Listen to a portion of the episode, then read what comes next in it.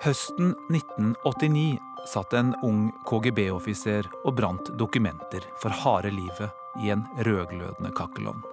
Hans kodenavn var offiser Platov. Utenfor KGB og Stasi-kontorene i Dresden hadde det samlet seg en sint østtysk folkemasse. De ba om svar etter årtier med diktatur og overvåkning. De hemmelige agentene prøvde desperat å få kontakt med Moskva for instruksjoner. De fikk aldri noe svar. Offiser Platovs egentlige navn var Vladimir Putin. Og nesten 30 år senere er han på vei inn i sin tredje periode som Russlands president.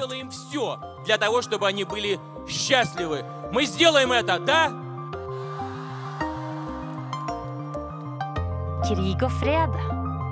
En podkast fra NRK Urix. Og i Dresden så levde han da på overflaten et vanlig familieliv. Han bodde i en toromsleilighet i en gul blokk med sine to døtre som gikk i barnehagen, og kona Ludmila som jobbet som tysklærer. Det fortelles eh, fra den tida at han den gang var veldig glad i det lokale tyske ølet Radeberger. I dag så er han jo avholdsmann. Jeg heter Guri Nordstrøm og er korrespondent for NRK i Berlin. Og jeg har også stor interesse for eh, Russland og de tidligere sovjetstatene. Jeg har eh, bodd i Russland i flere omganger, og også i Kasakhstan. Eller så skal han ha vært litt skuffa over spionjobben. Det var visst kjedeligere enn det han hadde forventet seg. Han hadde jo helt siden han var tenåring drømt om dette spennende spionlivet, der én eneste persons innsats kunne avgjøre skjebnen til tusenvis av mennesker. Og så viste det seg istedenfor å være ganske mye papirarbeid, rett og slett. Og han satt jo i Dresden, det var langt unna selve brennpunktet Berlin. Ja, for så vidt jeg forstår, så ønsket han seg vel aller mest til Vest-Tyskland, og ikke til Øst-Tyskland? Ja, det er godt mulig. I hvert fall så ser man på eh, dokumenter fra den gang at eh, han bl.a. styrte med å få installert noen telefoner, og det var mye sånn småting som han også holdt på med. Men det vises også bilder av at han allerede da var inne i de mektige sirkler, og også senere at folk han traff under sine år i Dresden, har spilt en viktig rolle i eh, Russland, eh, i det Russland vi har sett eh, senere. Men hva slags by vil du si Dresden var på 1980-tallet? Ja, Dresden har jo blitt kalt for folkemunne for de Tal der anungslåsen, altså eh, på dalen for de som ikke, som ikke vet. Eh, det har litt med Dresdens geografi å gjøre. At eh, det lå litt sånn så ned, sånn at det, antenner og innflytelse fra, fra vestlige TV-kanaler og sånn ikke kom inn direkte der. Sånn at det var litt sånn avskjerma fra resten av verden. og denne tida i Dresden den formet jo Putin veldig. Og det blir jo sagt at uh, den Putin vi uh, ser i dag uh, Han hadde aldri vært sånn, og Russland hadde heller aldri vært slik det er i dag, hadde ikke vært for Putin sin tid i Dresden. Her har vi altså en ung mann i midten av 30-årene, Vladimir Putin. Jurist av utdannelse med arbeiderklasseforeldre som tidlig hadde vervet seg til de hemmelige tjenestene, KGB, i det som da var en av to supermakter. Han drar fra et tilsynelatende stabilt land og system, og så rakner alt. Berlinmuren faller, og demonstrasjonene sprer seg fra Berlin rundt om i det en gang så overvåkete og kontrollerte Øst-Tyskland. Også til Dresden, hvor Putin jobbet. Demonstrantene forsøker da også å ta seg inn i den bygningen Putin jobber i rett over gata, og Putin er inne i denne bygningen når dette skjer. Putin har selv fortalt at han ble rasende. Han sa at han kunne ikke blande seg inn i om tyskerne ville ødelegge Stasi sitt hovedkvarter, det var et internt anliggende, men at de også skulle komme eh, der han jobbet for KGB, det eh, tålte han rett og slett slett eh, ikke. Og de satt jo på masse viktige dokumenter. Og Putin har beskrevet det som at han, det føltes som om ingen ville beskytte dem.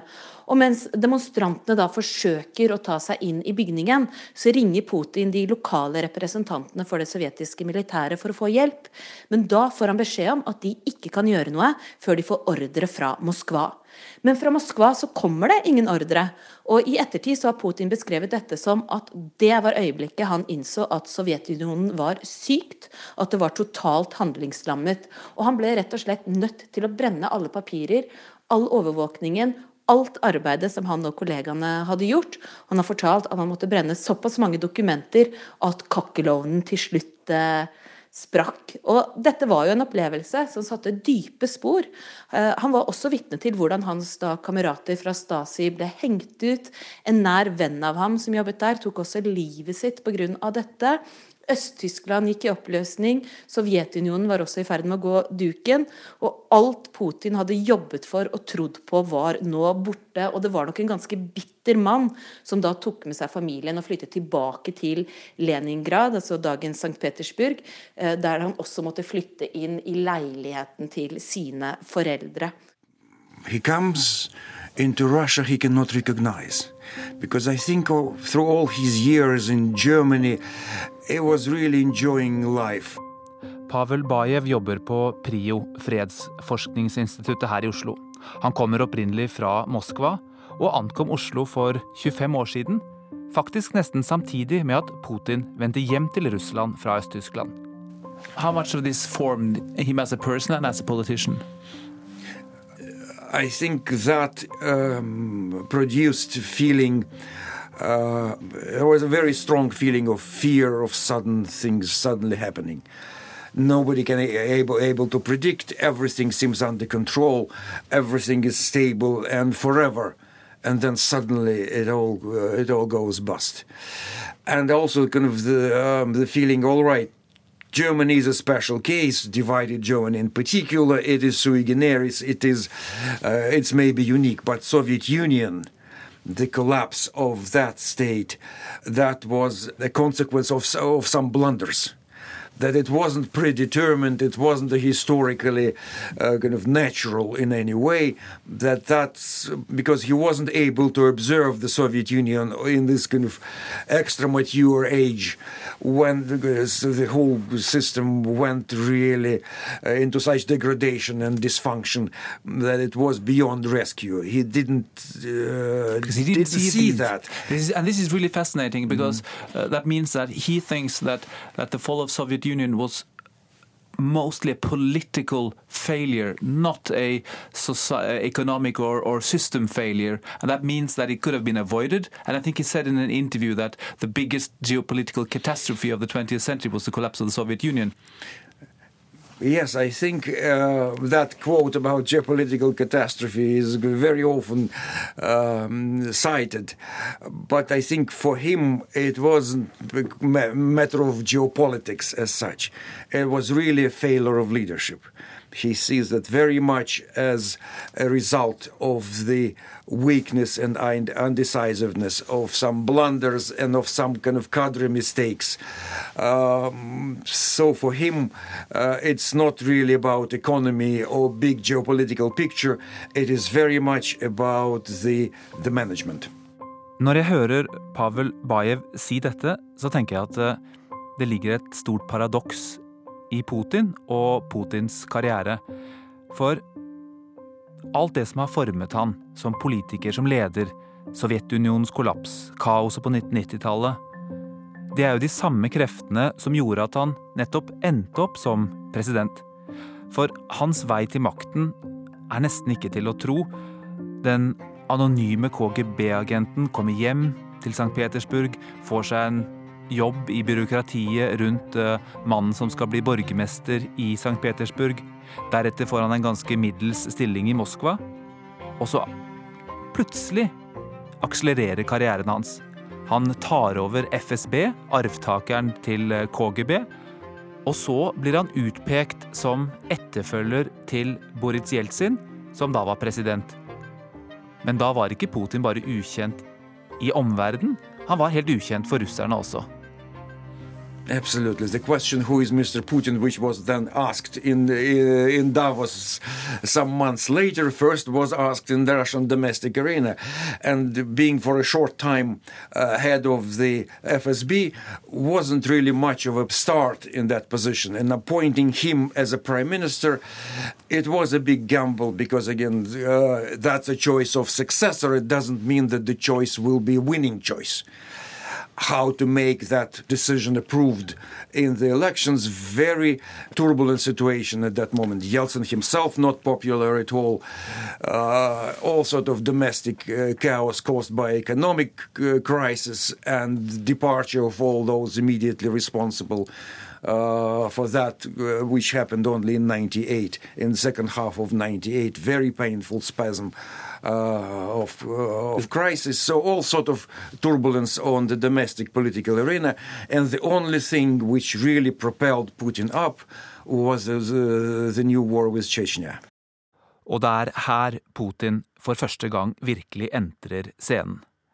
Russland har tapt én krig i Tsjetsjenia, de er på vei inn i en ny, og da kommer Putin med sitt utsagn om at de skal jage og drepe terroristene overalt, på flyplasser, på toalettet.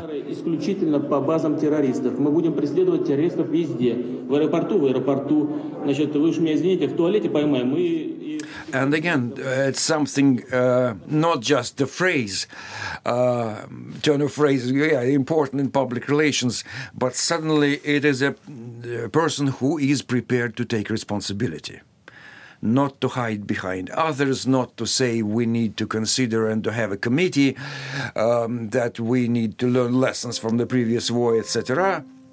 Person who very directly uh, accepted responsibility. Russland og Putin vinner krigen i Tsjetsjenia med brutale virkemidler. Så kobler han grepet om Moskva. Hans motstandere har ikke mye å stille opp med. Oligarkene f.eks., disse menneskene som har tjent seg søkkrike etter Sovjetunionens fall, kan velge om de vil innordne seg hans styre, eller ende i eksil eller fengsel. Han stabiliserer staten og blir den eneherskeren vi nå kjenner ham som. Det tar noen år før han vender blikket utover. Det skyldes først og fremst en opplevelsen av eh, fargerevolusjoner som skjedde i de postsovjetiske sfæren utover 2000-tallet. Eh, man hadde i 2003 en roserevolusjon i Georgia som kasta den autoritære lederen der. 2004 var det oransje revolusjon i Ukraina. Eh, 2005 en tulipanrevolusjon i Kirgisistan. Og disse er land som eh, Russland føler en veldig nærhet til kulturelt og på alle mulige områder, nettopp fordi at de alle var tidligere sovjetiske stater. Mitt navn er Malin Nestevik. Jeg jobber på NUPI, Norsk utenrikspolitisk institutt, eh, og forsker på russisk utenriks- og sikkerhetspolitikk. Eh, analysen i Russland er at eh, disse revolusjonene og kasting av de autoritære lederne ble fasilitert av Vesten. Fordi at vestlige land Sjøl sier da selvfølgelig at de vil fremme demokratiske ledere, men mens Russland ser dette som en del av ekspansjonspolitikken til Nato, til EU, eh, og i det hele tatt en vestlig ønske om å, om å kaste ledere som ikke er vennlige mot, mot Vesten. Спасибо большое, уважаемая госпожа федеральный канцлер, господин Тельчик, дамы и господа i egentlig 2007 synes jeg er et veldig sentralt år, for da holdt eh, Putin en veldig kjent tale på sikkerhetskonferansen i München, der han raljerte med USA og deres eh, framtreden i internasjonal politikk, og hvordan de bare kjørte sitt eget løp, og selvfølgelig eh, erfaring med Irak-krigen osv. spiller jo inn her.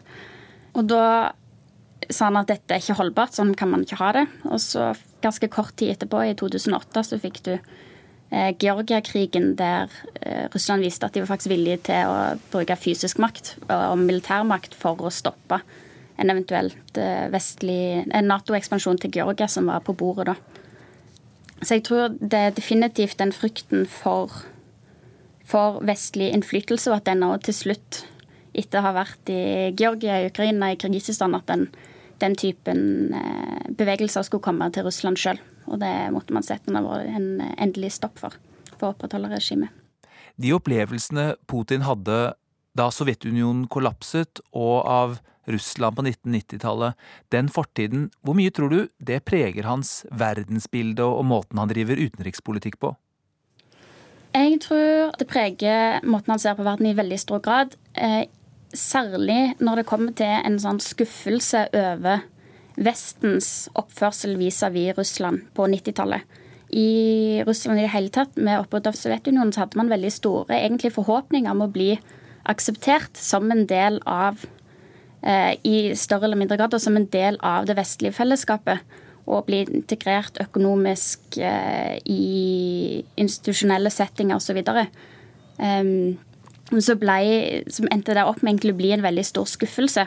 Eh, fordi at man så at eh, tvert imot, istedenfor at man ble inkludert, så drev Nato og ekspanderte østover osv. Um, og veldig mange russiske politikere, deriblant eh, Putin, vil jeg anta er veldig skuffa over den, den eh, reaksjonen. Og det gjør at de altså Jeg tror når man er en tidligere KGB-agent, så har man kanskje ikke så veldig mye illusjoner uansett, men av det man skulle ha hatt av illusjoner om gode intensjoner osv., ble da definitivt brista. Og hvis du sitter i Kreml, så styrer du over jeg vet ikke, er det elleve tidssoner. Eh, du har eh, verdens største fysiske eh, landmakt som strekker seg fra Baltikum til Stillehavet. Så Hvordan preger det, tror du, Putin som utenrikspolitiker? Jeg tror det preger Putin i veldig stor grad, og ikke bare alle disse liksom, objektive fakta som man kan peke på, men ikke minst hvordan det har spilt seg ut i historien med, med tsarveldet, med den svære Sovjetunionen, eh, som var en av de virkelige polene i internasjonal politikk.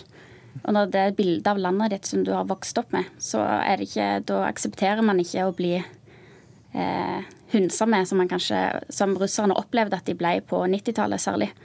Eh, og i det hele tatt så tenker jeg at 90-tallet, opplevelsen av å ikke ha noe særlig innflytelse på 90-tallet, vil ha prega Eh, både Putin og andre sentrale eh, politiske eliter i veldig stor grad. Det ligger en eh, skyggeside i Putins styresett. Det er korrupsjonen, og så er det vanskelighetene opposisjonen har hatt med å komme til uttrykk. Aller tydeligst er det i henrettelsene eller drapene som har foregått på regimekritikere. Nå er det uklart hvor mye Putin selv har hatt med dette å gjøre, men for russere flest var drapet på opposisjonspolitikeren Boris Nemtsov et vannskille. Certainly it's a long list of the um, casualties in the democratic opposition of you know, different profile and different circumstances. I think Boris Nemtsov's murder was probably the biggest of all shocks. and it suddenly created a situation where you feel after that everything is possible. Anybody can be thrown in jail. Anybody could be murdered.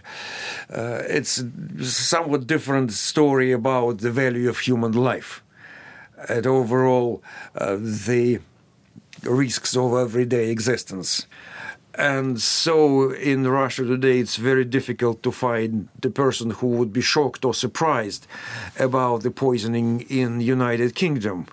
And definitely there are two different stories simultaneously spinned by the Kremlin. One for external consumption that we have nothing to do with that, and one for domestic consumption that every traitor will be treated accordingly and you know that the two stories contradict one another. That's a very particular Russian logic behind that all. Jeg lurer på hvor populær Putin egentlig er. Det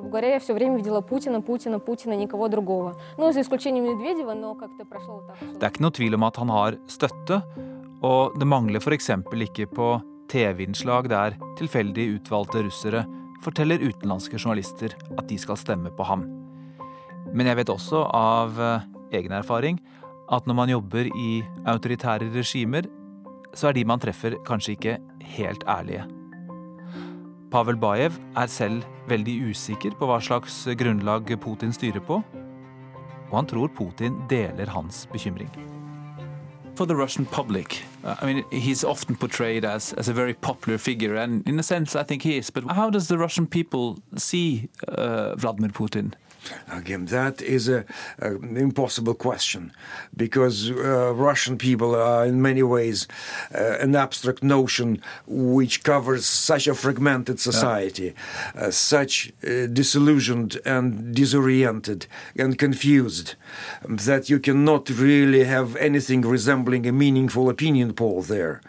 Uh, because just imagine you, yourself sitting in Russia, in, in Moscow, or anywhere else, a phone uh, rings, you take it, and unfamiliar voice asks you, "Do you approve of performance of Vladimir Putin?" what, what sort of answer can you possibly give? So, in this sense, the figures of the uh, approval ratings are essentially meaningless.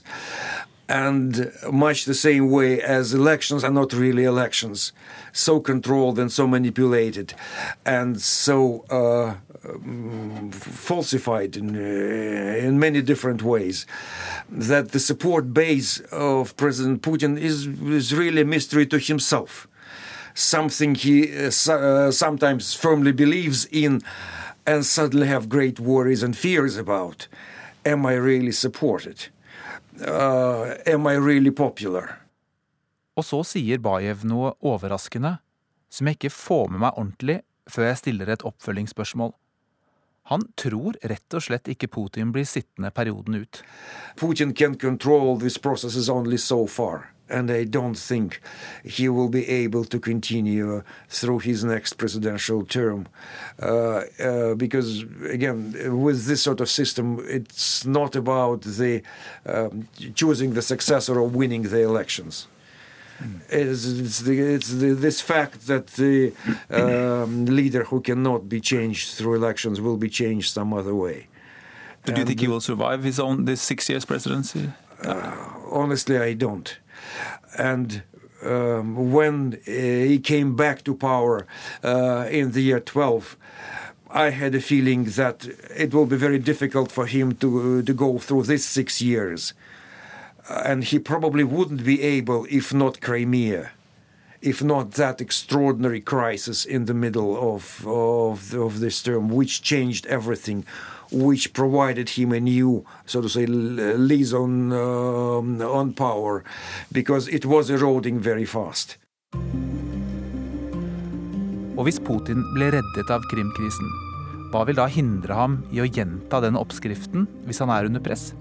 probably the only thing which keeps uh, the boat stable is the need um, to make sure that the World Cup in Russia is happening smoothly. Finalen i fotball-VM i Russland den spilles 15. juli. Du har hørt podkasten Krig og fred med Sigurd Falkenberg Mikkelsen.